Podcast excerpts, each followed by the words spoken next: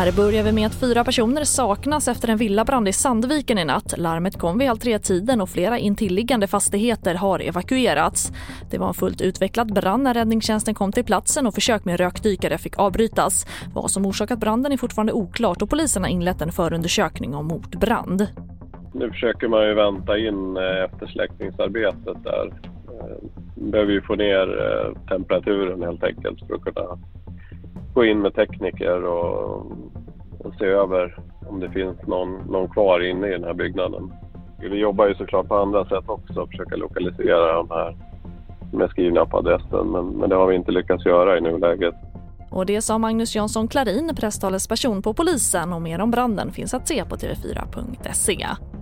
Och även i Uppsala larmades det om en brand. Det var vid 21-tiden igår kväll som räddningstjänsten larmades om en brand på ett seniorboende i stadsdelen Sävja.